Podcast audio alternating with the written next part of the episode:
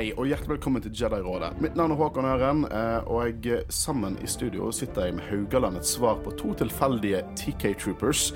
Eh, Johannes Opptun og Håvard Rus. Hei. Hei. jeg føler at vi har gjort dette her Det er liksom déjà vu. her. Det er veldig déjà vu. Ja. Eh, Stjal spøken min. For de som følger oss på Instagram um, I have no memory of this place. Denne episoden spilte vi inn allerede. Det er en grunn til at du hører er så forsinket at vi pleier å være ganske sånn Hvis ikke vi blir syke, så pleier vi å være ganske flinke til å slippe episoden bare dagen etter nytt Star Wars har kommet ut, men ikke denne gangen, fordi at uh, vi spilte inn episoden, og jeg vil si at det var en ganske god episode. Det var det. Det var, Vi- det var humor, og det var refleksjoner, og Vi det var gråt, vi lo, vi, Ja, vi følte på vi ble, kjærlighet. vi ble uvenner, og så ble vi venner. Ja, en da. Håkon fikk en redemption ark. Vi har en bonding experience, sant. Ja. Uh, men nå vet vi alt hva vi, har, hva vi skal si. Fordi vi spilte inn hele episoden. Uh, gutta gikk hjem. De sa 'god episode', den har vi en god feeling på. Så hørte jeg gjennom, og så var hele lydfilen ødelagt. Uh, så vi må spille det inn på nytt igjen. Uh, så skal vi se om vi klarer det like bra andre gang. Uansett. Vi skal snakke om The Bad Batch fra sesong to, episode tre, The Solitary Clone. Og selv om jeg vet hva dere mener, kanskje dere forklarer litt, litt hva dere mener om den episoden. Ja, jeg eh, synes eh, det var en eh, god og solid episode. Um, det som jeg likte aller mest, var at det var på en måte action. og liksom, det var lagt opp til at det skulle være en episode av Clone Wars, men det fikk bare en helt annen dybde, siden det blir på en måte skifta litt på, fordi i Clone Wars så er det jo klonene som er the good guys, mens her er det liksom ikke like svart-hvitt. Det er litt sånn gråsoner her og der, og det er separatistene som var skurkene i uh, Clone Wars. De er på en måte bare de, de vil bare være i fred fra Empire her. Så det er Det minner veldig om Clone Wars, uh, men det føltes veldig annerledes ut samtidig.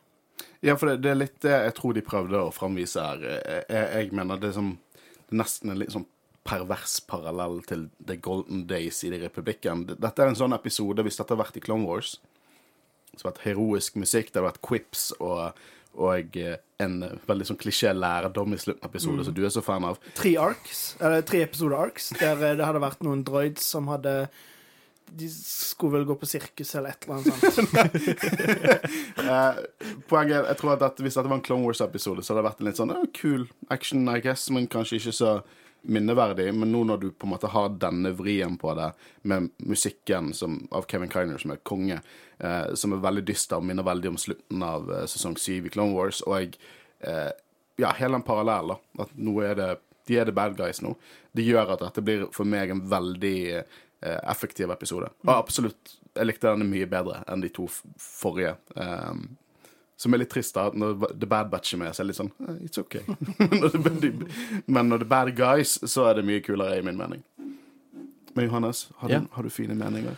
Nei, det er omtrent litt det samme. Jeg likte veldig godt episoden. Eh, actionfullt, men sånn som Håvard sier, det er med dybde. Og det som jeg likte best, var at det, vi får litt hint til hva vi kan få videre i sesongen, med tanke på Crosshair og eh, Cody. At vi ser at ting kommer til å skje. Jeg tror det kommer til å bli en ganske mørk og duster sesong, egentlig.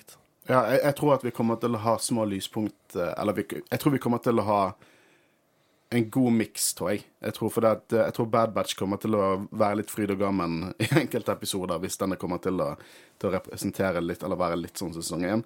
Men de mørke støene kommer til å være enda mørkere, tror jeg. Mm, sånn definitivt selve plotlinesa. Vi kommer til å gå inn på det når vi diskuterer det, hva vi tenker videre.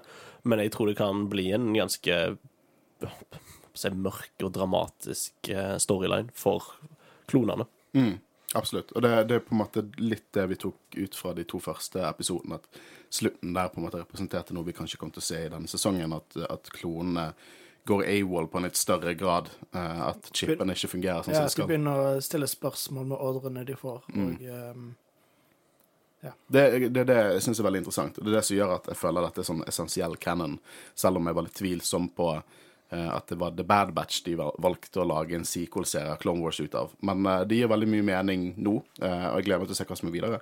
Men Johannes, julenissen som kommer uh, en gang i året for å gi oss kull. Eh, dere hørte han sist i, i Jedi-rådets julespesial, Ja. Ikke den verste episoden vi noen gang har laget. Jeg er sjokkert over at dere inviterte meg tilbake, men det viser seg da at eh, nissen kommer i hvert fall eh, to ganger i året. Eh, Men sier han kommer sånn Du har bare vært her en gang i år, da.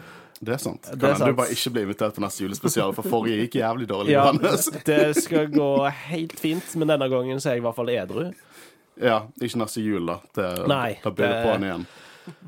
Åh, at jeg måtte minne meg på den julespesialen. Jeg vil bare si unnskyld til alle som måtte høre det makkverket der. Du vet, det var å Når jeg skulle redigere den, det var som å det var, bukser, det var som å polere en bæsj. Ja, det forstår jeg. Jeg prøvde å høre på episoden. Hørte fem minutter og bare sånn Nei, nei, dette klarer jeg ikke. Dette, for jeg, jeg hadde så full angst etter den episoden. Jeg husker ingenting av hva jeg sa. Det var fire fulle personer. Alle hadde noe å si, men ikke til hverandre. Og samtidig. Jeg forsvant i 20 minutter. Jeg lekte med Lego. Det, Ja, det, det, ja, liksom det- Kristian forsvant da på et tidspunkt, var det bare meg og Håvard i studio. Men eh, ja, vi har nå fått, vi har fått både Noen av våre nærmeste venner har sagt at eh, nei, det var ræv. ja. Eh, og, Og det- og lytterne våre syns det var, Eller i hvert fall noen av lytterne som tar kontakt med oss angående det, syns den var gøy. Eh, men um, Ja, jeg er ikke stolt av den episoden. Men det var gøy å spille inn. Det skal han ha. Eh, men Johannes, Hei. hvordan går det med de sosiale mediene til, til Jedi-rådet? Nei. eh, jeg tror det går ganske bra med dere. Det virker i hvert fall som det. Vi Ja. holder oss flytende, Ja, liksom. dere holder dere flytende på både Facebook og Instagram og Twitter. Jedi-rådet. Ja, de, de gjør det. Ja. Så gi oss en rating. Vi har 191 på Spotify nå. Jeg blir veldig lykkelig når vi går opp på det nydelige, nydelige 200-tallet. Eh, på iTunes kan dere, hvis dere vil, og syns vi fortjener det, gi oss en, eh, en eh, fem av fem stjerner. Dere kan skrive hva enn dere ville. Erotisk novelle om Erotisk novelle. Håkon og Håvard. Ja, hvis det er din jam, så bare go for it. Uh, jeg vet ikke om de tillater så mye mye bokstav, eh, symboler og bokstaver der, så det blir en veldig kort novelle i så fall. Erotisk haiku. Erotisk haiku. Det kan hende det går. Eller dere kan skrive eh, litt sånn som, eh, som en Audun skrev eh, review til oss på iTunes, der det står 'Nydelig Star Wars-nerding i hverdagen', og ikke minst veldig, veldig koselig. Det syns vi også er veldig, veldig koselig å, å lese. Uansett, nok om det. Vi skal hoppe inn i The Bad Batch, episode 3, The Solitary Clone.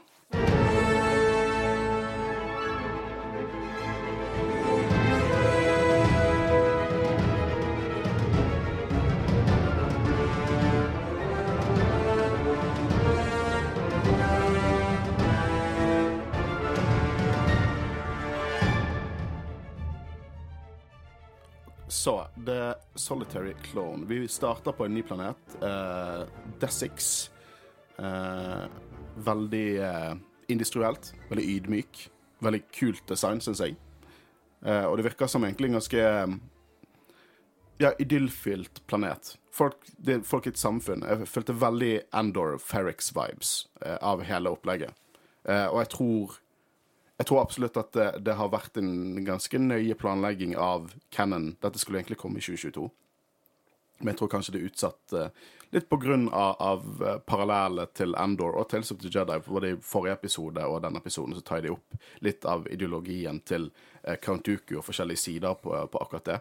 Så jeg syns det er litt interessant, og det passer egentlig at det kom ut nå, etter de to andre verkene. Ja, spesielt sånn som med Tales of the Jedi med Count Dooku, Absolutt. så passer dette mye bedre å få det etter Tales of the Jedi. Ja, Jeg er veldig glad for at de, eh, at de planlegger sånt. At de på en måte har en litt sånn sammenheng. Det kan godt være veldig standalone òg, men jeg, jeg syns det er kjekt å se at det på en måte føles planlagt ut. Tematisk rød tråd, kanskje? Liksom Eh, Ja, eh, i motsetning til en viss uh, trilogi. Jeg så den, eh, den eh, i jul, og jeg sto og koste meg. Jeg må si det. Jeg har ikke, har ikke sett de back to back eh, før. Men det var koselig. Det, det, snakket- det, det, om det. ja, det er, det er Jeg tror det er betraktelig mange timer med sequel-snakk på denne podkasten, så eh, uten at Johannes ber få oss i øret om hans meninger om Rise of Skywalker. Så uh, det er bare å gå tilbake igjen og, og høre de. Eh, men vi ser da at TK Troopers i en shuttle uh, med en guvernør Grotten ankommer i en shuttle, og alle får panikk. Og her er det et et eh, forsøk på maktovertagelse. For The Empire skal plassere sin egen guvernør her. Men det som er dealen med Dessix, er at de var separatister. De var independent lenge før The Empire var en ting. Uh, og vi får møte Tony Ames, uh, som Det er så, så lite Star Wars-navnet. Tony Ames? Ja. Jeg syns ikke det høres høres Det er litt sånn Tony. ja, det, det, Tony. hø- det høres ut som en countryartist. Det er men liksom Tony Ames. Ben. My name is Tony Ames. Men hvor Star Wars-navnet er Ben, sånn helt egentlig? Ben? Ben altså Det er jo eh, kall, bare, bare et kallenavn til Obi-Wan. Ja, men Ben. Ja.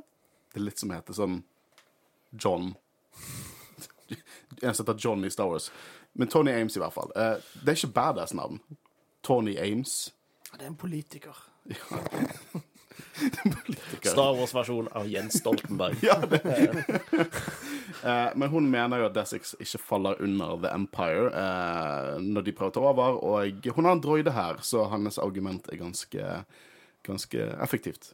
Eh, og vi vet jo at eh, hvis de TK-trooperne hadde vært Clone Troopers, så hadde ikke dette vært et problem, men siden det er TK-troopers, så, så, så er det et problem. Det verste er at etter jeg så Endor, så føler jeg at TK-troopers er sånn De er verre enn Stormtroopers.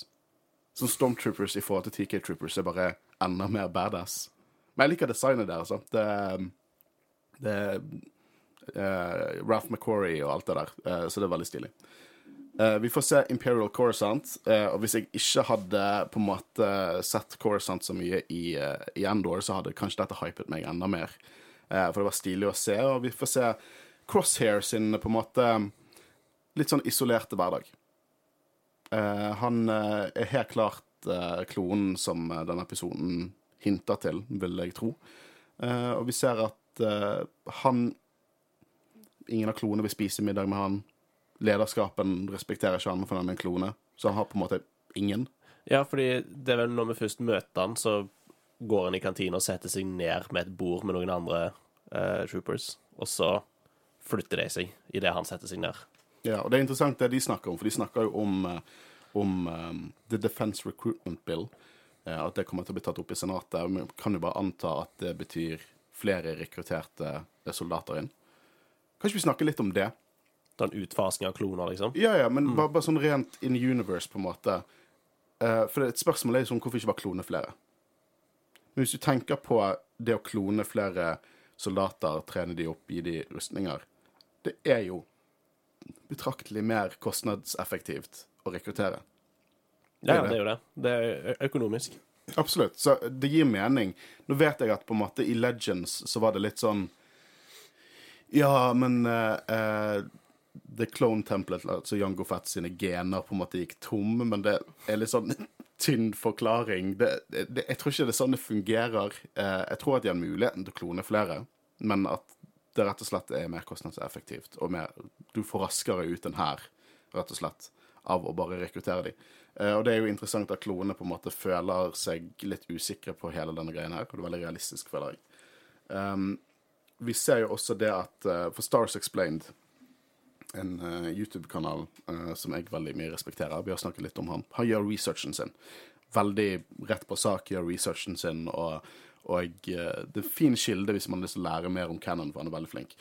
Eh, men eh, han snakket litt om i forrige episode, der, der på en måte Rampart fant ut at The Bad Batch levde, at det kanskje involverte at, at Crosshair hadde sagt at de døde. At han på en måte kanskje kunne få problemer av det. Men det ser ikke ut som Rampart på en måte knytter de trådene. Dessuten så tror jeg bare uh, Crosshair har helt klart ikke sagt noe om de. For han, han møtte jo de på slutten, han så at de levde. Så det er jo litt Det er jo litt av Crosshair hvis det var en original good guy Crosshair igjen i han. Han har fortsatt litt, litt eh, kjærlighet til brødrene sine.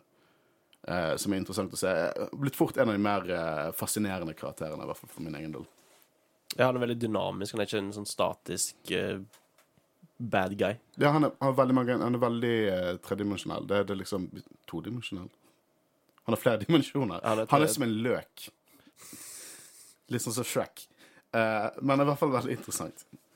Uh, og så har han et møte med, med, med Vice Admiral Bitch, eller Rampart. da.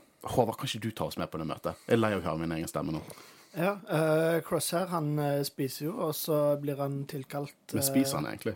Han får ikke tid. Han, Han han får ikke rekker lov. det ikke. Han, han skal spise, og så blir han avbrutt eh, og blir sendt til uh, Ramparts kontor. Um, Det føler litt som en sånn rektor. ja, eh, og da finner han jo ut at han skal til uh, Dessix, var planeten heter, eh, på diplomatisk oppdrag, quote on quote. Ja. Det er, det, det, det er nesten som om Rampart sitter og faktisk tar quotes. Eh, vi fant også ut at han var i 32 rotasjoner på Camino, som er 27 timer per rotasjon. Og til og med Rampart er ganske overrasket. Hvorfor i helvete gadd du å komme tilbake? Eh, men Crosser er fullt tilsynelatende bestemt på at han er en soldat hos The Empire. Eh, og han får ikke lov til å leke, eh, leke Commander eh, lenger, eh, fordi Rampart er en, en, en bitch. Jeg virkelig kan ikke overdra Rampart. In Universe. Han er en jævlig god antagonist eh, her. Og gutta gjesper, så vi må få, vi må få fatt på dette her. og vi eh, får kanskje det om, det om det på en måte er jo en cameo. Det føles litt som en sånn canon cameo, på en veldig god måte. For vi får se The Battle Memorial. Eh, første jeg reagerte på, er at det er samme design som sist gang vi så det i Clone Wars, men det ser rustent. Eh, Statuene ser skitne ut, forfalt ut.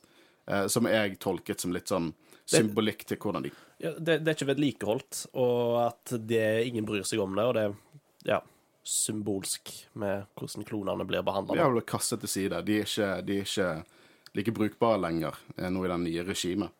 Uh, som jeg syns er veldig kult. Jeg elsker når på en måte de tar inn så mye symbolikk.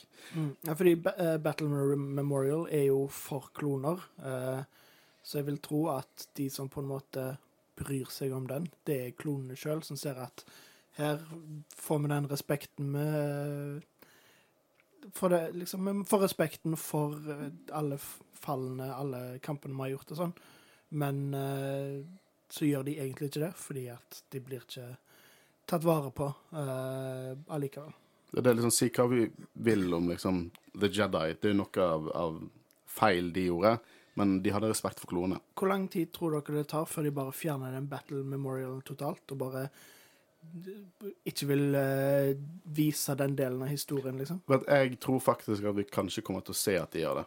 At de fjerner den? Ja, jeg, jeg tror at, uh, at vi kan komme til å Dere hørte ikke den episoden som forsvant til Phantom Episode, men eh, Johannes snakket jo litt om på en måte Clone Rebellion. At du ønsket å se Ja. det, på en måte. Det har jeg lyst til å se i Bad Batch, enten om det blir denne sesongen eller videre. Jeg vil se at klonene faktisk gjør opprør mot Mm. imperiet etter de har blitt undertrykt som soldater og liksom kasta til sides. Fordi jeg syns jo noe av det mest interessante er jo hvordan klonene har blitt behandla. Den lille scenen i Kenobi med han tiggeren. Mm, det er en god scene. Så sånn, den, den traff meg litt i hjertet. For det er sånn, oh shit, dette føltes jo ekte. Dette føles sånn som USA har behandla krigsveteranene sine etter Vietnam, Mm. Jeg elsker når Wars trekker inn sånne IRL-paralleller. «Men det er så politisk! Å nei! Um, så det har jeg lyst til å ha. Jeg vil ha en, en skikkelig rebellion hvor klonene faktisk står opp for Eller står opp mot imperiet. Mm. Og det, Mest sannsynlig kommer de til å tape, men allikevel, jeg har lyst til å se det. Jeg har lyst til å se at eh, klonene, i hvert fall de som er igjen, som ikke har gått i eksil, eh, eller gått og gjemt seg, har kjempe imot og dør kanskje en verdig død, da. ja, det, det, er litt sånn, det var det jeg ville se i Rise Skywalker. Vil, de bygger det til meg opp i det. At du skulle ha det Stormtrooper Rebellion. De har til og med Sith Troopers som er røde, og Stormtroopers som er hvite. Du kunne ha hatt Finn som tok den Captain America-speechen fra, fra Winter Soldier. Johannes skjønner den, for han er, han er glad i sånn Marvel og sånn. Men var det ikke Hør mer på tegneserieligaen. Men, men og det, det, det, bare, det hadde vært så jævlig stilig. Det hadde vært en sånn meta-redemption av klonene. Sist gang i klonekrigene så var på en måte de heltene, og nå det siste vi ser i Star Wars-sagafilmene, så er det på en måte er de hvite rustningene symboliserer helter igjen. Og det hadde vært jævlig stilig. Men så er det jo at gjennom Clone Wars så har vi fått et nært forhold til klonene, noe som vi ikke hadde i prequel-trilogien. Altså, klonene i seg sjøl i prequel-trilogien, du gir jo blanke, egentlig. Den eneste som får kanskje et navn, er jo Cody. Mm.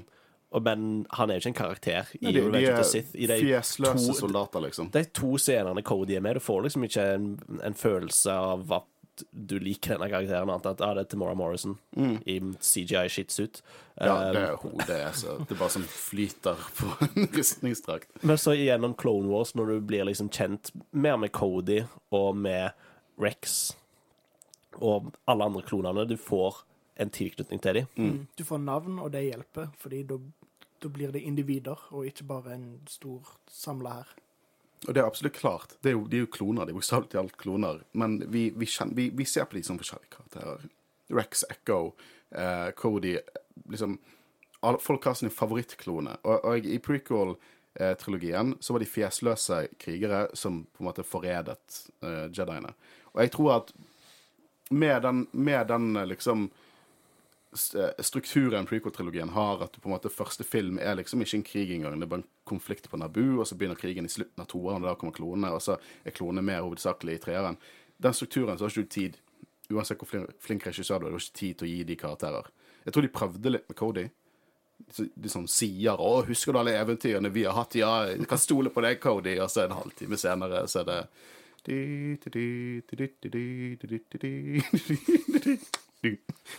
Å, shit, det var greit. Hva var det for noe? Uh, Var det Cur- Curb Enthusiast? Å ja, det var det det skulle være. Ja. Kult. Å, herregud. Å, herregud, du er rød i ansiktet nå. Ja, jeg blir jævlig flau. Og så bare stoppet jeg ikke. Uansett uh, Clone Wars gjorde en fortreffelig jobb med å gi de eh, karakter. Derfor syns det er passende at vi ser Bad Batch, at, vi, at de nesten fortjener å si, se deres liksom demise. Og vi husker når vi så Camino i slutten av Bad Batch 1, så var det en hel sekvens, altså en montasje at de bombet Camino som om det var end of an era. Jeg kan se for meg at de gjør noe lignende med, med The Battle Memorial. At etter en eller annen stor konflikt der Empire bare sier nok er nok, ingen flere kloner. Etter, etter en rebellion så bare Ja. fjerner de alt, all tilknytning til klonene. Du skal ikke snakke om det Jeg, jeg ser for meg den scenen i hodet mitt nå, liksom. Eh, så det hadde vært eh, kult. Um, Jeg håper de faktisk ødelegger den før Rebellion. At det er det som eh, delvis med på den. Det som Ja. virkelig starter det, fordi da finner de ut at nei, de bryr seg jo faktisk ikke om oss. Nei, det, det, jeg har absolutt hatt lyst til å se det. Eh, og vi ser kloner allerede i denne episoden og forrige episode, at de på en måte de virker mindre som droner enn det de gjorde liksom i mesteparten av sesong én. Eh, men vi får se Cody. Cody dukker opp. Grå rustning. Eh, tidligere så var han på en måte litt oransje. Eh, men jeg føler du kan på en måte enkelte scener, og jeg vet ikke om det er ønsketenkning, men at du skal, kan skimte det oransje under. At det er litt sånn oransjegrå. Litt sånn lysere grå for det oransje under, og jeg føler litt sånn det er litt av Cody under. Under denne fasaden så er litt av Cody.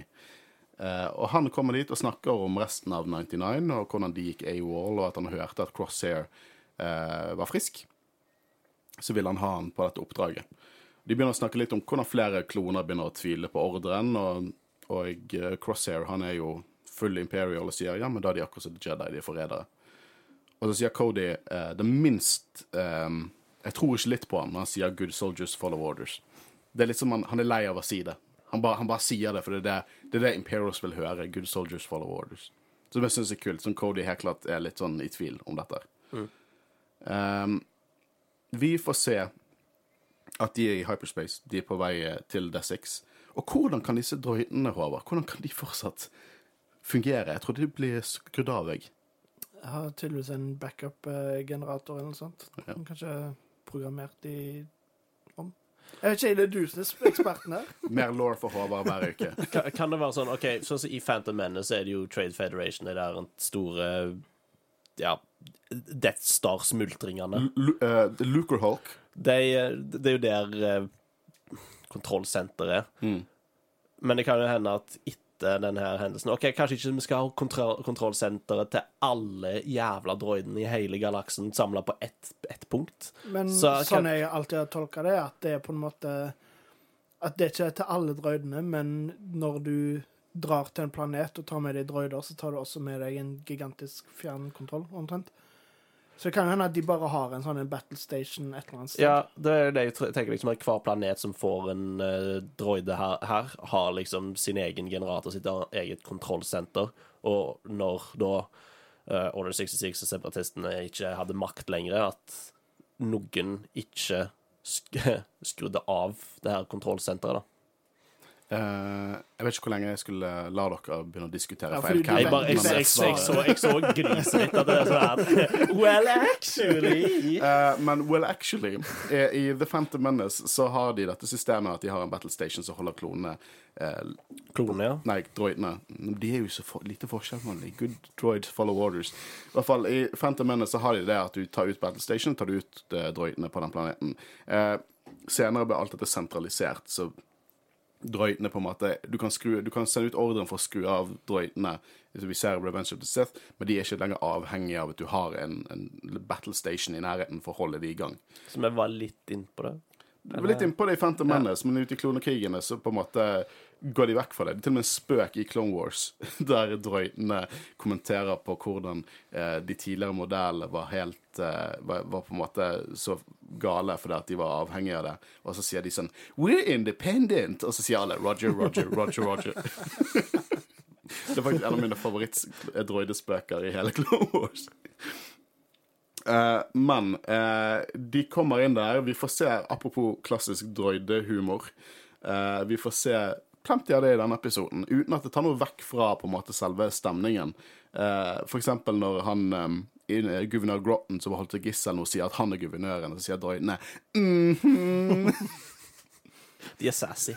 Ja, og jeg merker at når jeg blir eldre, så setter jeg mer pris på goofinessen. Jeg tar liksom, jeg tar, jeg rekker ut hånden min til goofinessen, noe som jeg på en måte ikke var så fan av når jeg var sånn edgy tenåring og så Clone Wars kom ut. Da var jeg sånn, kanskje det bare være seriøst badass. Men nå er det sånn, jeg vil være badass, men jeg, jeg, vet ikke, jeg liker goofinessen. Jeg syns du kommer til et punkt eh, etter du har fulgt 30, hvor du blir en sint gammel mann. Så da syns du sikkert ikke det er gøy lenger med goofiness. Jeg vet ikke helt, jeg, men eh, jeg er ikke 30 ennå, Johannes. Ja, Det, det, det er ikke langt unna. Jeg har et par uker igjen. ikke le du, Håvard. Du er rett bak meg. uh, og nå får vi litt mer fra, fra Tony Ames. Eh, hun tar av seg hjelmen, og eh, Jeg skjønner ikke helt den revealen, fordi hun er en ny karakter. Vi har ikke sett henne i Cannon før. Ja, For jeg satt her eh, hele tida og tenkte sånn Skal dette være en karakter jeg har kjennskap til? Er det en liten eh, story-ark i Clone Wars hvor hun dukker opp? Ja, men verst at det er det. Hun refererer det til den story-arken, men hun er ikke med i den story-arken. Hun er bare offscreen. Og det er derfor den selve revealen bare sånn OK. Og jeg kan ikke tro at det er litt sånn Jeg føler vi er litt forbi det der og at eh, Å, det er en kvinne. Wow. For at de, det var, var ikke noen noe tvil at hun var kvinne i begynnelsen. Og in universe, det er nok av på en måte quote unquote bad guys, badass kvinner, liksom. Så de ville bare ha et øyeblikk, sånn som uh, i Ringenes herre. No man can kill me. I'm no man. Fordi vi visste jo at det var en kvinne i filmen òg, Ja. så det var sikkert bare det. De ville ha et sånn et øyeblikk der eh, han guvernøren ikke klarte å høre at det var en kvinne, og skulle bli overraska. Jeg. Jeg Jeg, vet ikke. jeg, vet slett ikke. Jeg synes Det minnet meg om Solo når Enfys nest tar av seg hjelmen, og så er det en sånn Og da er det enda mer. Det er sånn Zoomer det inn, og hun er kvinne. Og Sånn, ja, men jeg visste jo hun var kvinne! Vi så jo hun var kvinne gjennom hele filmen. Jeg så i traileren og var sånn Det der er en kvinne, så prøver de veldig hardt å få henne til å høres ut som en mann som Men det, det er jo ikke en plot twist. Liksom I don't know. I don't know. Vi, eh, men det er veldig rart.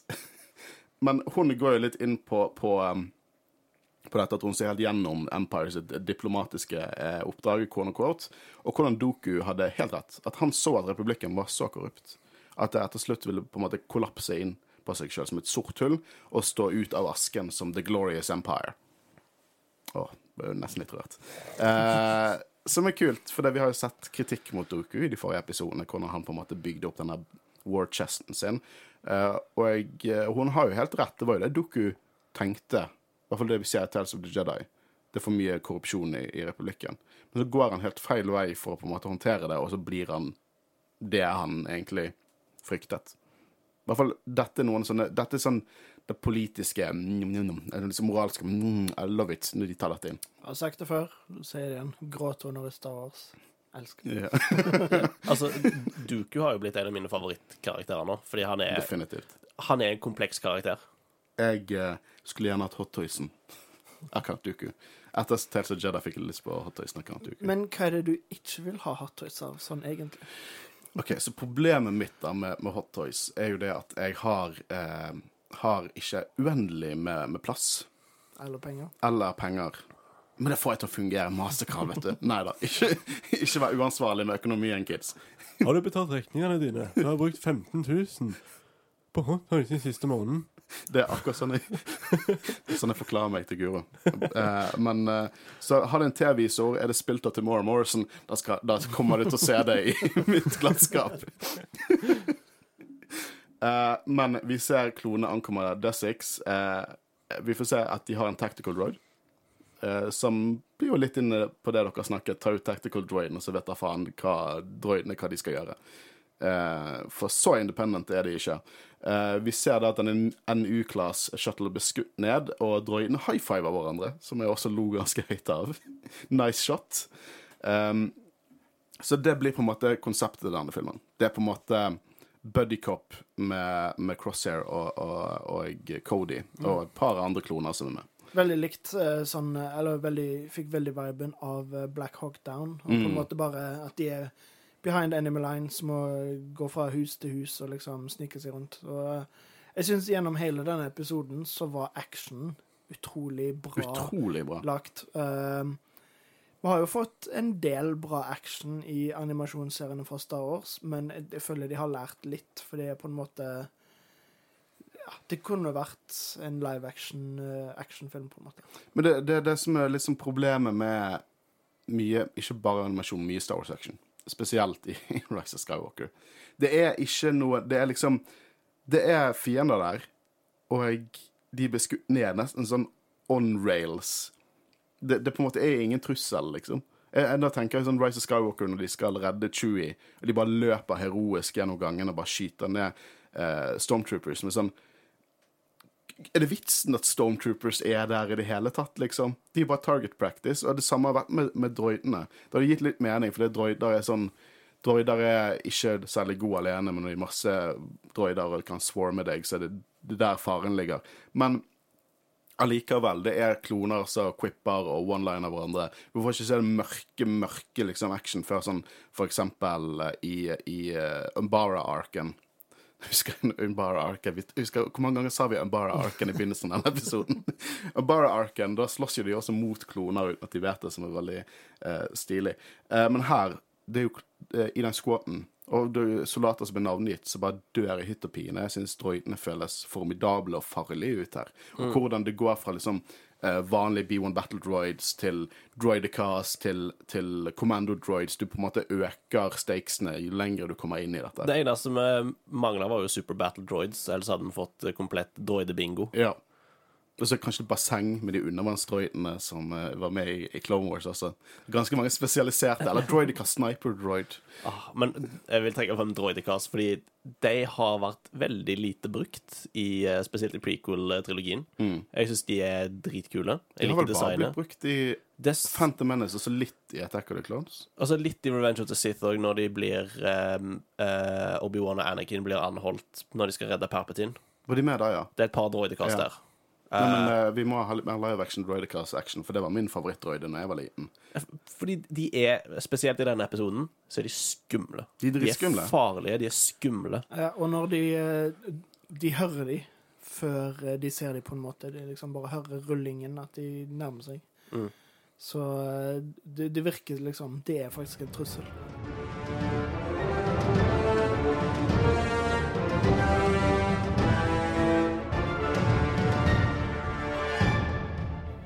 Jeg vet ikke, Johannes var nok ikke født på den tiden, men husker du, Håvard, rundt en sånn Attack of the Clones, så var det Lego-teknikk. Husker du Lego-teknikk?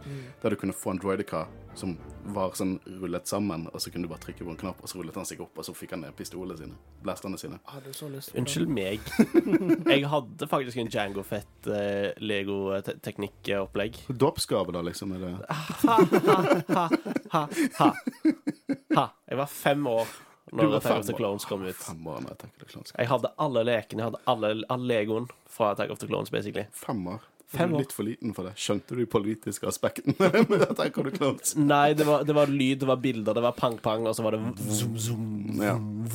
Nok av det i den filmen også, eh, og litt uh, diskré loveplotting. Uh, men nok om Attack of the Clones. Uh, den I'm in agony. You are so beautiful. Yes, my lady. Men I'm eh, sorry, my lady. Å, herregud. Jeg er så glad for at Hayden Christensen har fått en liten redemption nå i de senere årene. Jeg er glad på hans vegne at han fikk lov til å være med i Kenobi, og gjorde en utrolig god jobb i Kenobi. Eh, nok om det i vår Star Wars-året 2022, som kommer ut om et par dager. Eh, de tar ut en tanks på en utrolig kul måte. Med, med, med Bare Jeg digger Kan du kalle det filming? bare close up-shotsene på triggeren. cinematografi, Ja. kanskje? Klipp. Jeg syns det var dritfett. Eh, og hvordan Crosshair på en måte tar ut den ved å på en måte få dem til å sikte direkte på han og så rett gjennom eh, barrel der. Og den lyden der boom, Dritfett. Eh, Og- Kjempekult. Crosshair er bare iskald. Ja. Fyttegrisen for en iskald Han er en god skurk. Han er en skikkelig god skurk. Eh, men jeg har en teori her om at, eh, om at Crosser bare brifer litt, fordi at han snier det at tanksene de har en svakhet, og det er droidene som styrer den. Og så står det to droider oppå. En på liksom, en commander, en som styrer kanonen. Du kan jo bare snipe de, da. Istedenfor skal du brife med å skyte direkte inn i barrel. Uh, han får mye skryt fra, fra Cody angående, og det er jævlig kul action. Det, det er sjelden jeg legger så godt merke til action i, i animasjon. Og egentlig har jeg lyst til å Sånn forrige uke så var det Ja, det er action. da er det, ti minutter med pew-pew, eh, men nå var det liksom Dette er pew-pew. Det var dritfett. Pew. Ja. Så planen er å ta ut denne tactical droiden. Eh, og jeg legger merke til at Cody kaller klonene under seg for eh, herr Wyler og Nova, så han bruker nicknamesene enn et hint til at han ikke er helt imperial her, at de fleste på dette tidspunktet bruker jo sånn designasjonsnummeret til, til droidene. Nei, klone. Um, Går det bra i dag, eller? Det er tidlig på dagen, uh, og jeg er rimelig stresset over For jeg føler jeg har sa sagt dette før en eller annen gang. Veldig glad i den scenen når eh, de sivile på en måte åpner døren, og Cody tar ut hårene og sier at de er her for å hjelpe. Og det er ikke sånn de sivile ser på det i det hele tatt.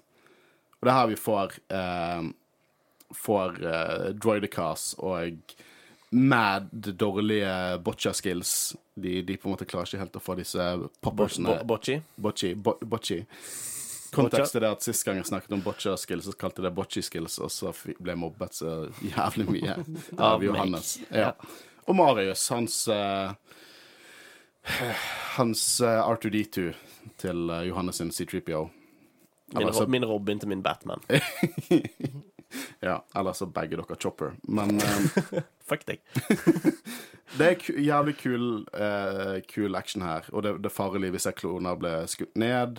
Uh, digger veldig mye at Nova og Crosshair tar ut den ene droidicanen ved på en måte å kan kaste en popper på en, en B1, og så skyter han hodet, og så lener han seg inn i skjoldet til uh, droidicanen.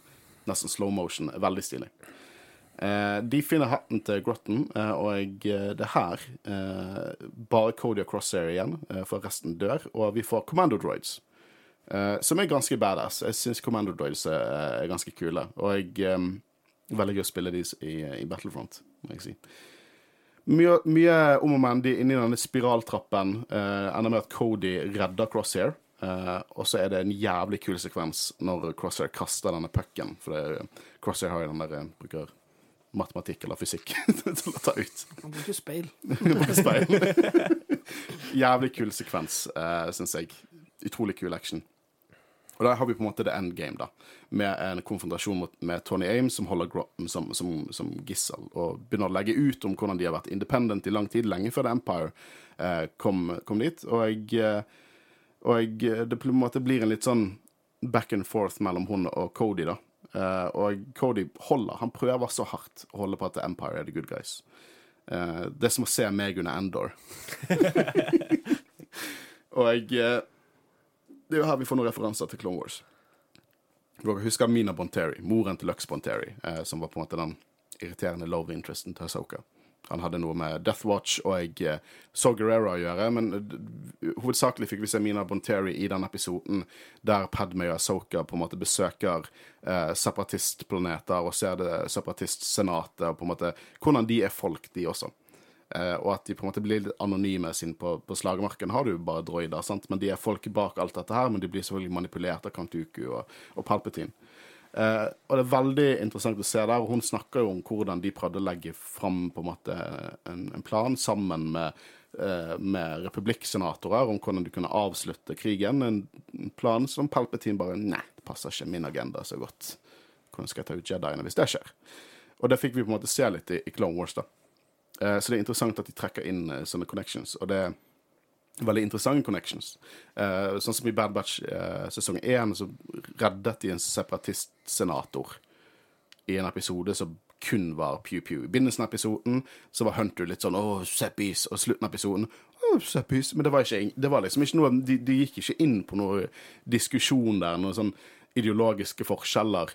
Eh, I, i episode to av, av Bad Batch sesong to så var det bare det at hva eh, Tech var litt sånn å, jeg har aldri tenkt på separatister som mennesker før. Interessant. Men dette er kult. Dette syns jeg er diskré og, og, dypt. Og jo mer canon du har fått med deg, jo mer betyr det. Som hvis du har sett Clone Wars, så betyr det, disse scenene veldig mye. Uh, det ender med at uh, Cody tar av seg hjelmen og legger ned våpenet og sier at kan, det, det, er ikke godt for folket ditt å lage en ny, en ny, krig nå, og på en måte Det kan være fredfullt, dette her. Hun skeptisk legger ned uh, våpenet sitt og slipper Rotten, som sier til de at de skal henrette henne. Plassere liket på torget. Noe som uh, Cody ikke liker, men Crosshair gjør uten å tenke. Det er bare sånn dun-dun, han er fortsatt bad guy-scene.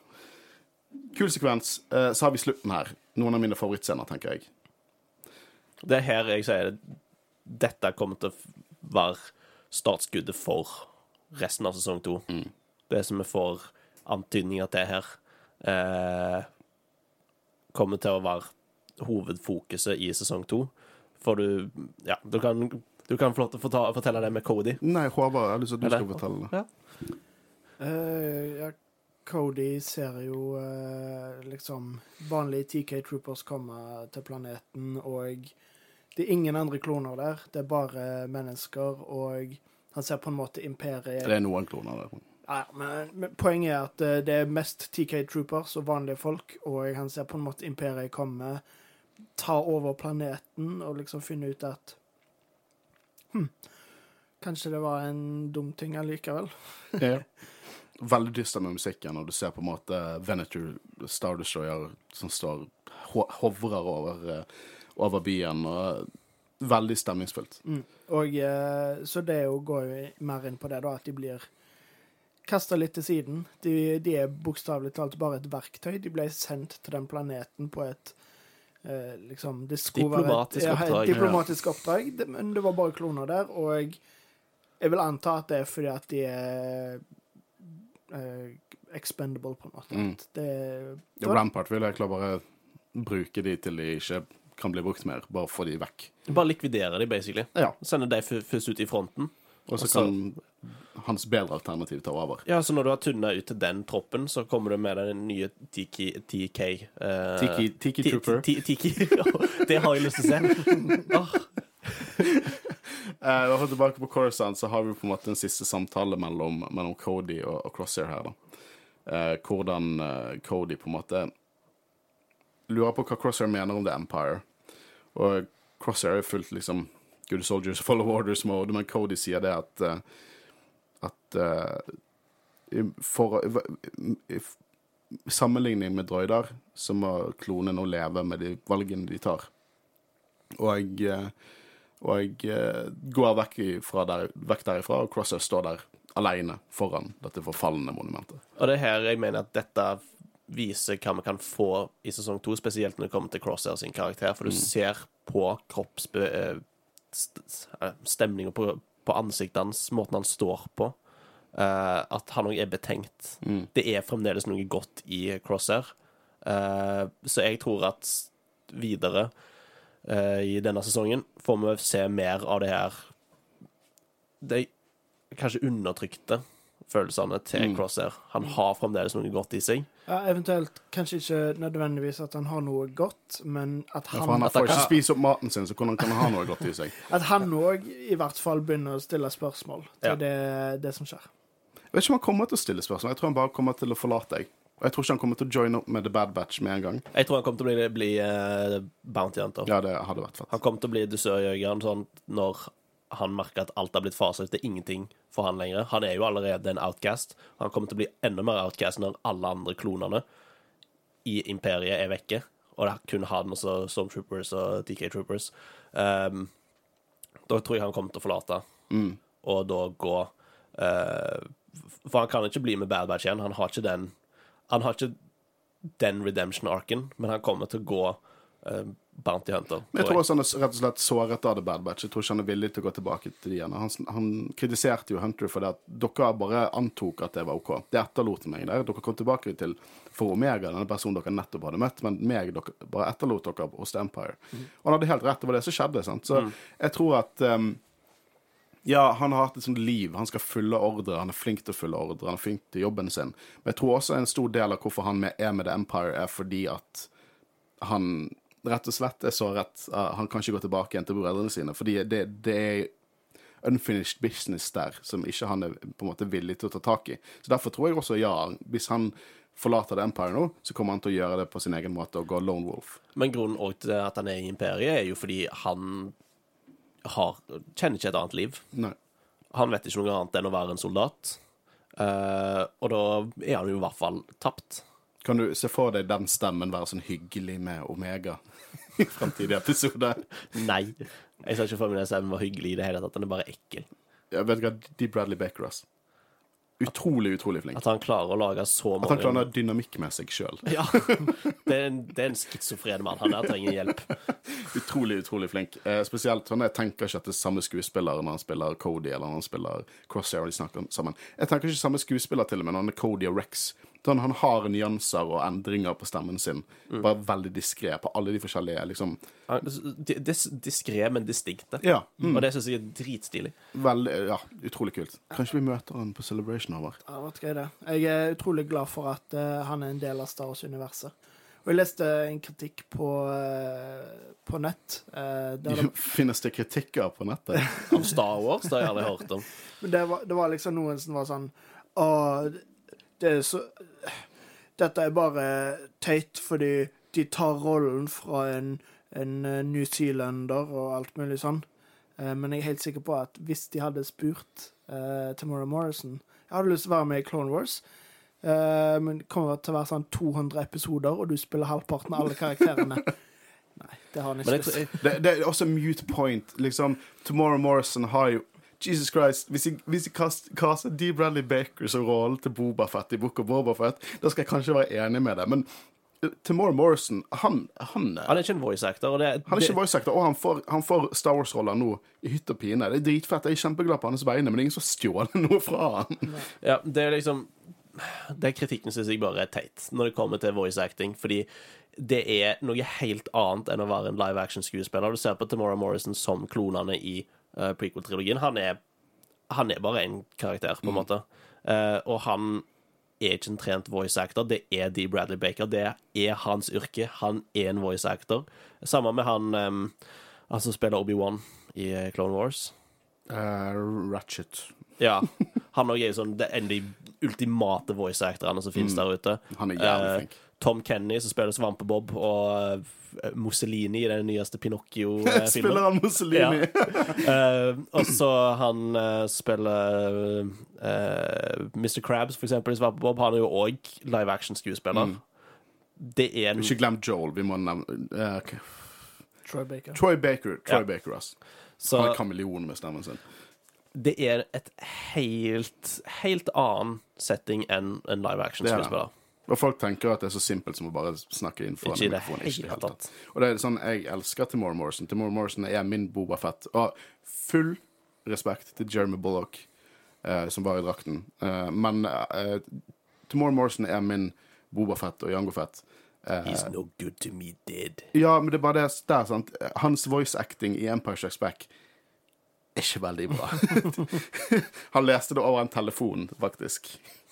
Det tror jeg på. Ja, um, eh, så det at eh, han på en What if måte he doesn't survive? He worth a lot to me. Det er liksom, He's worth a lot to me. mens eh, mens eh, Jason Green, tror jeg, før Da var på en måte Boefeld med Han var litt mer sånn Jeg vet ikke, han var veldig Nazgul i stemmen hans. Han var liksom worth a lot to me. Det, var- ja, nå kleiner jeg meg ut enda mer på denne sendingen. Men eh, ja, eh, det er, noe, det er noe forskjell mellom voice acting og skuespill. Og Timor Morrison tror jeg er veldig glad for å være tilbake i Star Wars, og han har fått plenty av Star Wars. Det kommer alltid til å være sånn Å, eh, de, white, de sa de whitewashet The Bad Batch, for Echo var så blek. Han er jo sjuk. Han har jo ingen pigmenter igjen. Han har jo Holdt inn i en tube liksom i mange år. Han har ikke armer og bein. Og så, å, han er for, for, for blek. Da har du ikke sett serien. Da har du ingen kontekst til dette her. Men uansett, eh, veldig fornøyd med den episoden. Jeg synes at eh, kanskje at det burde vært den første episoden av sesongen. Fordi det er her jeg faktisk nå får grep om hva er det vi kan forvente i sesong Hva synes du om de to første? Det har ikke vi spurt deg om. Som en start så synes jeg det var helt OK, men det føltes også på en måte ikke som en start, hvis det, hvis det gir Det føltes som en sånn følte, mid-season-thing. det føltes ut som Bad Batch sesong 1,5. Mm. Det var sånn OK, dette er en ny sesong, men nå er det med sesong 3, nei, episode 3 at nå ser jeg at OK, her er det det går for. Ja. Her er det en hook. Nå, nå er jeg investert. For det du sier med hook, det er det jeg følte jeg ikke fikk i to første. Ja, jeg syns vi fikk det, det er positive Litt på ting. slutten, kanskje. Men, men, vi fikk liksom positive ting med Jeg likte veldig godt i episode 1 og 2 dette med Omiga. mm. Omega, Omiga. Tick, Eh, at Crossier. hun òg sliter liksom med, med identiteten sin og sånt. Og det sånn Det likte jeg. Ja. Uh, men Kult å se at hun har vokst litt mer opp og litt mer sånn aktiv del av squaden altså. Uh, Ja. istedenfor bare en de skal passe på. Men, hun gjør noen rare valg. Ja. Som også på en måte det der at hun vokser litt for fort, hun må gå litt tilbake. Bla, bla. Men jeg, jeg tror at hvis jeg hadde begynt med denne episoden, bare bang. Det Dyster, konsekvensfullt. Vi vet ikke hvor The Bad Batch er engang. Vi bare ser liksom liksom konsekvensene fra hva som har skjedd med Crosshair. Ja. Det hadde på en måte satt av denne her eh, sesongen med et smell, og det syns jeg de burde gjort. Ja, for jeg tror det hadde passet ganske godt òg, med tanke på at sesong 1 endte med at de forlot Crosshair. Mm. At det siste vi så av Crosshair, var liksom. Og da syns jeg det hadde vært et kjempebra poeng å bare begynte rett på sesong, sesong to med at han våkner på, eh, i Coruscant. Bare åpner med boom, Mm. Jeg er øynene så hans åpner. irritert over at ikke det var første sesong. Ja, de, de kunne Episode sluppet alle tre episodene samtidig. Hatt denne først, og så gjerne Fordi episoden avsluttes jo eh, på kontoret til Rampart, der vi får vite at Cody har eh, gått AWOL. Um, og Bad Batch blir jo ikke nevnt, men eh, det hadde jo vært et perfekt tidspunkt på å nevne Bad Batch der. Og så neste episode, da møter med Bad Batch igjen og får episode 1 og 2 Mm. som episode 2 og 3. Det har vært veldig mye bedre oppbygging. Eh, så når du gikk inn på det avslutningen der han er på en ny dag, ny ordre, får ikke spise maten sin eh, ikke Det er ikke, det er ikke rart han er tynn. Nei. det er sånn kvar, og den, den, den kyllingen så digg ut. Det, det, den så digg ut. En stor, feit kylling. Animert kylling. veldig god. Ja. Eh, det er faktisk en eh, space chilling. Det er faktisk en spesifikk matrett som jeg ikke orker å gå inn på nå, men Jeg gir blanke. Det er en intergalaktisk romkylling jeg gir Men i hvert fall uh, Han setter seg ned, skal til å spise, og så er det Report to Advice Edmund Rampart's office. Stakkaren må jo være underernært til Vegard 15 kilo. uh, men han skal få nytt oppdrag. Uh, han skal ikke gå til Cody, for Cody har gått AWOL. Uh, man skal gå til en CC1226, uh, som kan være en referanse til uh, CT1226 fra en Legends-bok. Eh, det var en klone som var på First Battle of Camino. Nerd. Gjorde masse badass der. Eh, det er fra boken eh, The Essential Guide to Warfare. Eh, veldig ut Hvis det er en referanse, så er det en utrolig diskré referanse. Jeg tror du bare finner på ting nå.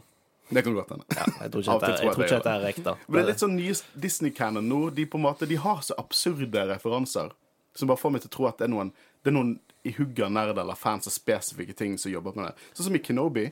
Og referanse til en NPC i Star Wars Galaxies. Ja, det er gøy.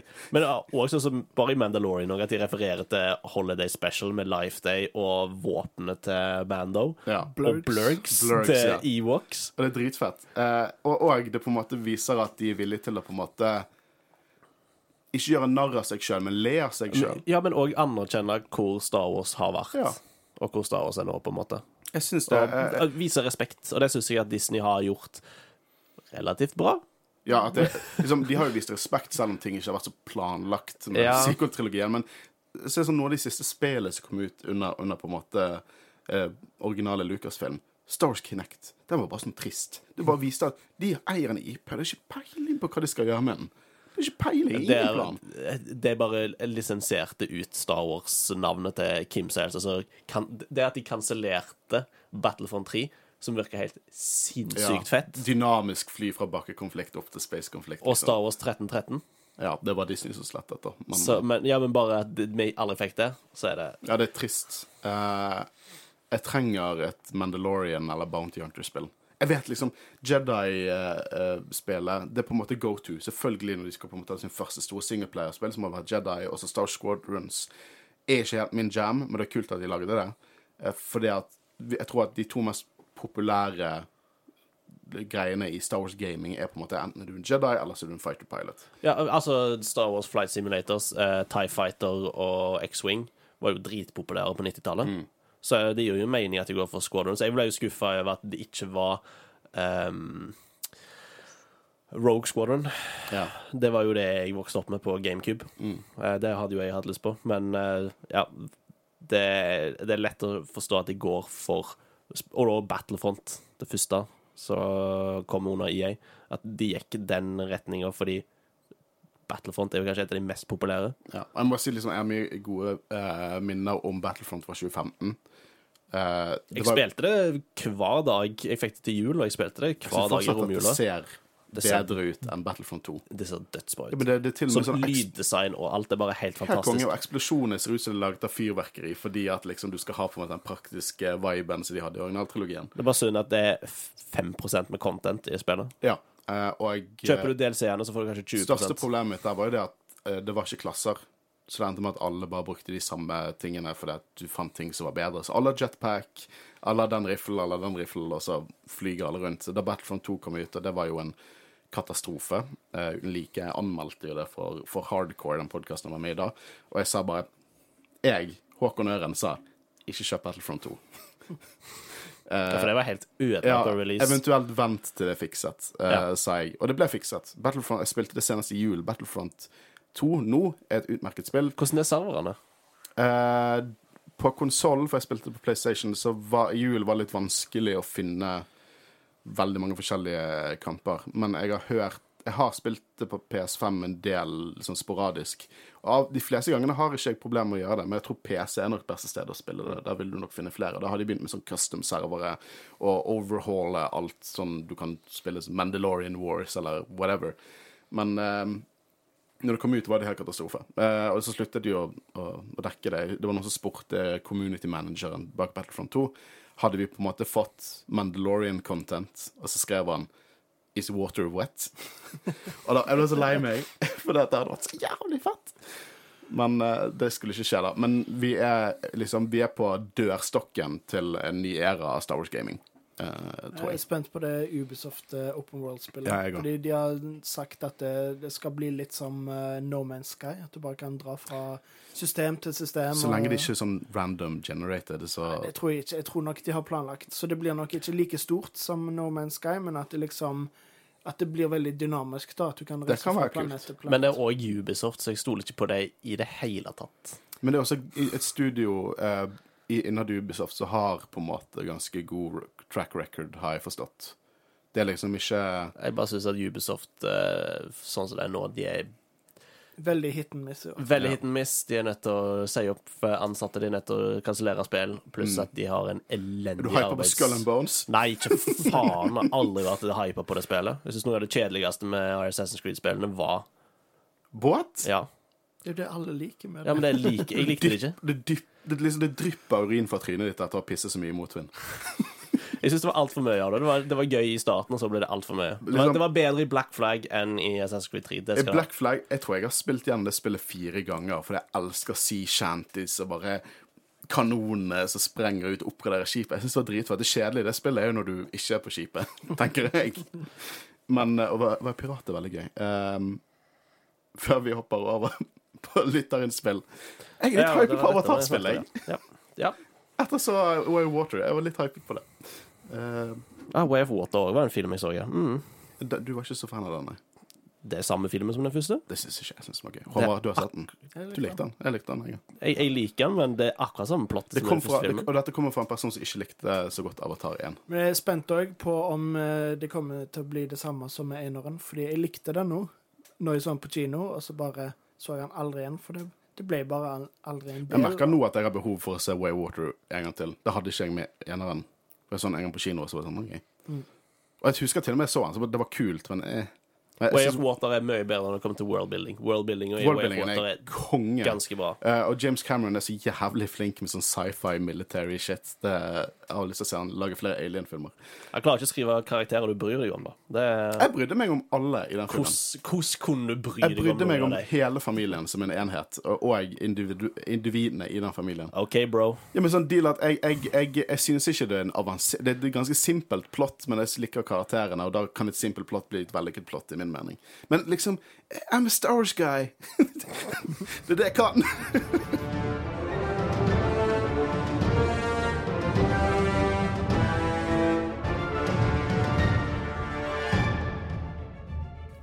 Uh, dere lyttere, dere, vi merker på dere at eh, dere er mer hypet uh, på enkelte episoder. For forrige, på sesongstarten så var det lite. Vi fikk ikke så mye. Men her så satt dere i gang. Her var dere hypet, merket jeg. Eh, så vi kunne ikke ta alle med. Men eh, vi setter pris og leser alt som er sendt inn. Eh, så vi skal gå litt gjennom det nå. Vi tenker vi kan begynne med vår kjære gjest Johannes. Ja. Måtte legge tallerkenen fra meg når jeg så Cody dukke opp, og sykt når han gikk AWOL. Hjertet. I Legends så var jo eh, Cody en, en karakter som på en måte lente seg fullt og helt inn i Vampire. Han gikk full profesjonell soldat der, han trente opp Stormtroopers og var ikke fornøyd med Stormtroopers. Faktisk i Force Unleashed 2 så kan du plukke opp eh, journals som Cody har skrevet. Og der skriver han sånn, han, en sånn lang, sint beskjed om hvordan kloner var som bedre enn Stormtroopers, og i dag så han faktisk en kandidat smelle hodet sitt i en blast door, som en referanse til A New Hope. Eh, jævlig vittig. Men eh, jeg føler på en måte Crosshair kind of har tatt den rollen. Ja, Vi trenger ikke to av de i Bad Batch. Jeg er glad i Cody. Det, Og, ja, det, det er nettopp det at vi har et eh, nært forhold til Cody. Og jeg tror at hvis han hadde gått over til, det, til Imperiet, og hvis da klonene hadde blitt fasa ut, så tror jeg vi hadde endt opp med å mislike Cody. Og det ville vi jo ikke, fordi han har vært Selv en det har vært en kul liksom, parallell til, til Rex, da. Ja, Det hadde vært liksom sånn hvis Anakin og Obi-Wan var kloner, føler jeg. Men det tror jeg Cody etter hvert måtte ha hatt en form for redemption. Ja. Fordi han er en så, såpass stor fan-favorite og godt likt karakter. ja, absolutt. Beste episoden hittil. Cody, to utropstegn. Clone Walks vibes over episoden 7,5 av 10 bananer. Det syns jeg er en god bananscale. Kanskje, jeg tror kanskje jeg gikk opp til 8,2 av 10 bananer. Ja, Men en god bananscale. jeg er allergisk mot bananer, så jeg, eh, har et, jeg får ha et annet ratingsystem. En fruktsalat det er liksom ikke din jam. Eller er bananer en del av en fruktsalat? Det kan være. Jeg Ja. liker det. Ja. Altså, jeg kan spise bananbrød. Går helt fint. Men spise en hel ren banan, så har jeg magekramper i Er flere timer. teksturen du er allergisk mot? Jeg vet ikke søren hva det er. Det, det, det er rart. Det er rart opplegg. Du tar av skallet først, sant? Ja. Hæ?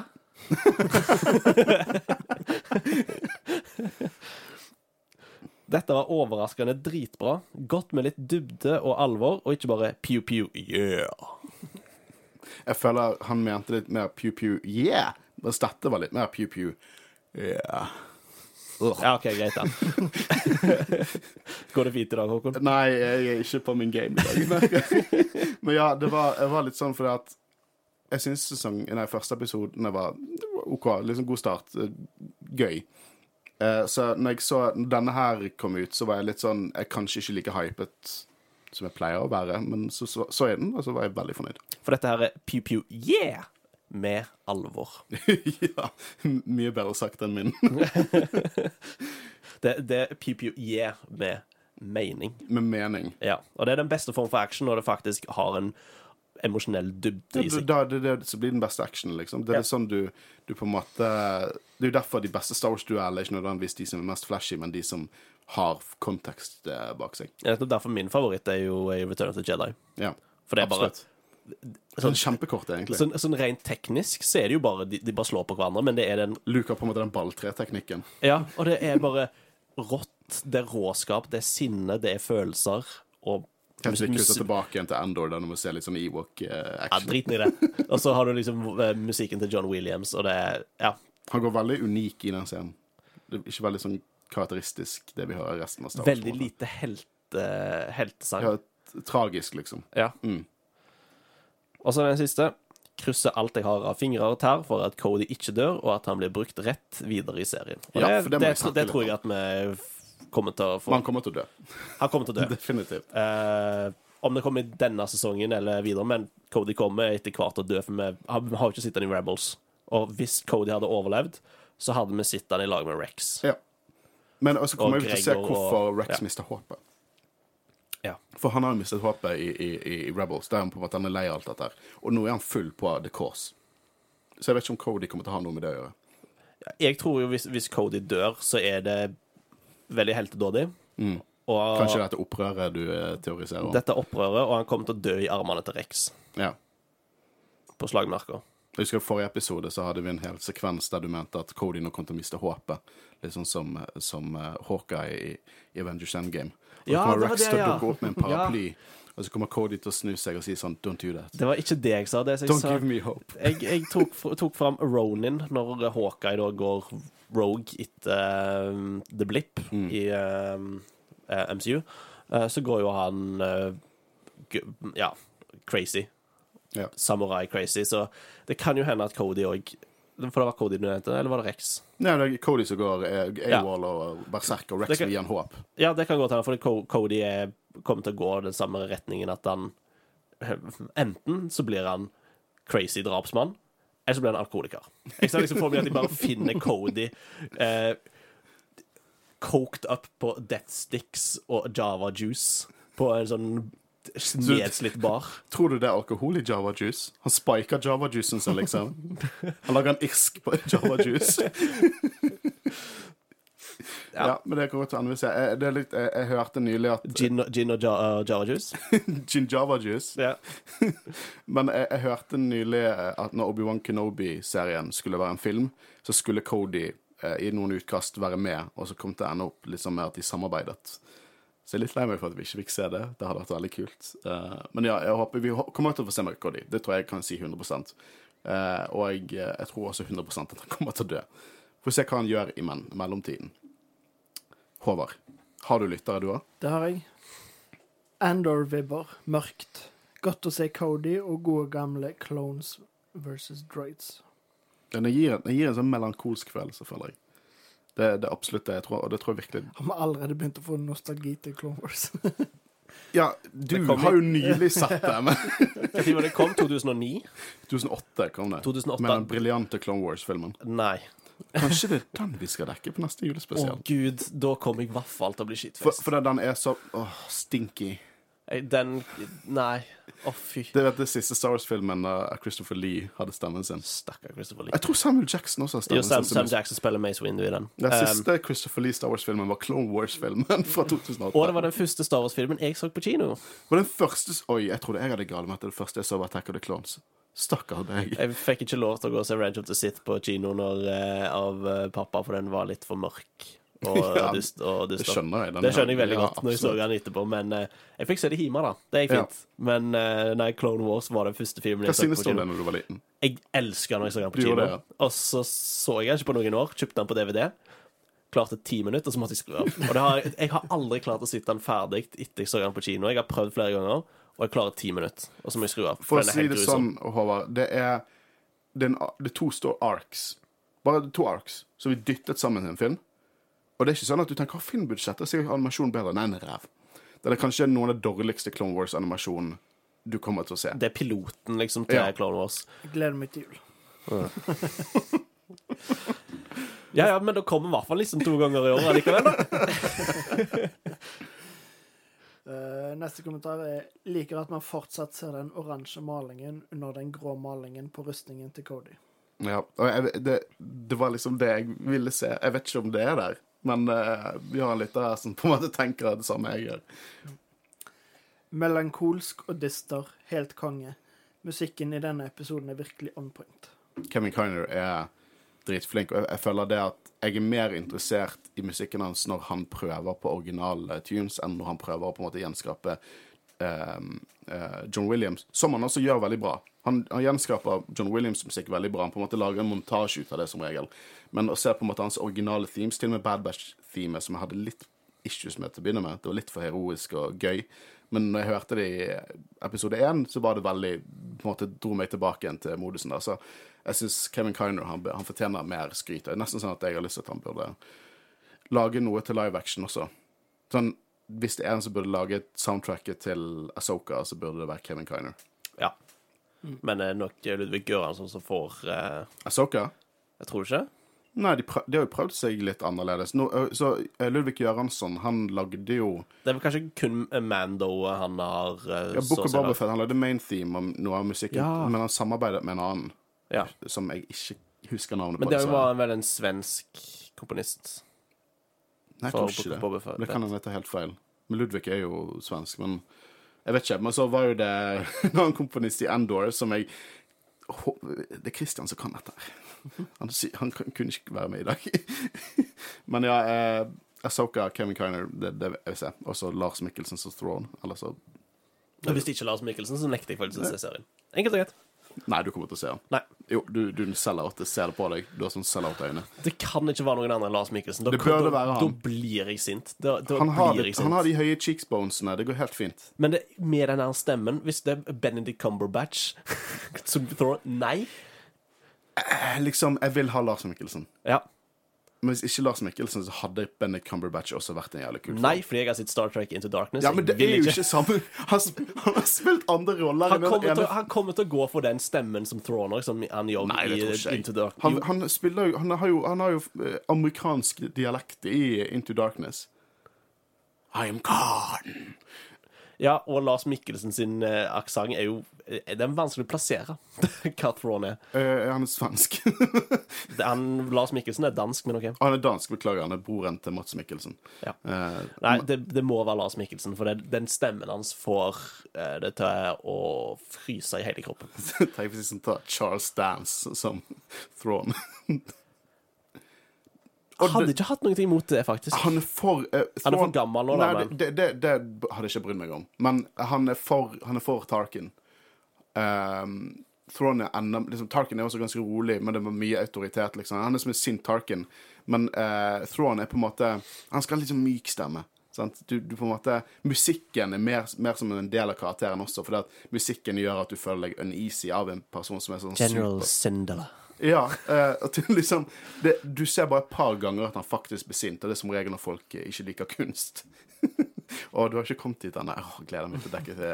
Han, han, er bare skummel, rolig, og det er Sherlock Holmes, hvis Sherlock Holmes hadde jobbet for The Empire. Det er sånn jeg ser på, på Throne. Håvard, har du en til? Jeg har en til. Eh, Jeg sparte den til slutt, for det var den jeg likte best. Like når de skyter. Ja, men Kan du respektere det? Absolutt. pew, pew, yeah. Ja, ja, men det er jo fullt legitim måte å, å, å, å like Star Wars på. Ja, Absolutt. det, det, altså, du setter i hvert fall pris på action. Ja. Det, jeg må bare si at jeg så uh, livestream, en livestream til Stars Explained, og så fikk han en superchat der det en skrev sånn uh, If Palpatine uh, had clones and droids, why did he make them fight? Og det var sånn hadde ikke klart å på en måte vinkle meg inn der, for der er det sånn syv sesonger med Clone Wars som forklarer hvorfor det er en proxykrig, og tre filmer for den saks skyld. Uh, men også så syns jeg det er veldig, veldig legitimt å like Star Wars for badass og action og sånn. Det er helt legitim måte at det er derfor du på en måte ser på Star Wars. Absolutt. Jeg har en, eh, en som kanskje var um, den ene vi fikk som var uh, litt mer kritisk. uh, som er viktig for oss, og vi har lyst til å på en måte representere hva dere lyttere synes. Vi tar med de også. Uh, får en veldig stor Clone Wars-feeling av denne episoden, men vet ikke om det er den positive feelingen. Synes det er en tam episode med, med noen lyspunkt. Virker som Crosshair føler seg ensom, kanskje han tok feil valg i sesong én. Commander Cody og Crosshair sammen er stilig. Cody innser at han har et valg og stiller spørsmål til Crosshair som ser litt betenkt ut. Vedder på at Crosshair i løpet av sesongen bytter side og joiner The Bad Batch på en eller annen måte. Kanskje han ofrer seg for dem. Håper uansett eh, på at neste episode blir litt bedre. Jeg tror Vi kom, eh, vi har ikke sett langt ifra det beste av, av Bad Batch ennå i denne sesongen. Det, liksom, om det er litt sånn som Bad Batch sesong 1, så kommer vi til å se noen jævlig fete episoder. Altså, den traileren som vi har fått uh, tidligere, er vel basically bare det som har sett til nå. i Ja, det er Vi får Gunji, uh, Wookie Jedi, Ja. som jeg er veldig hyped for. Han har en tre lightsaber.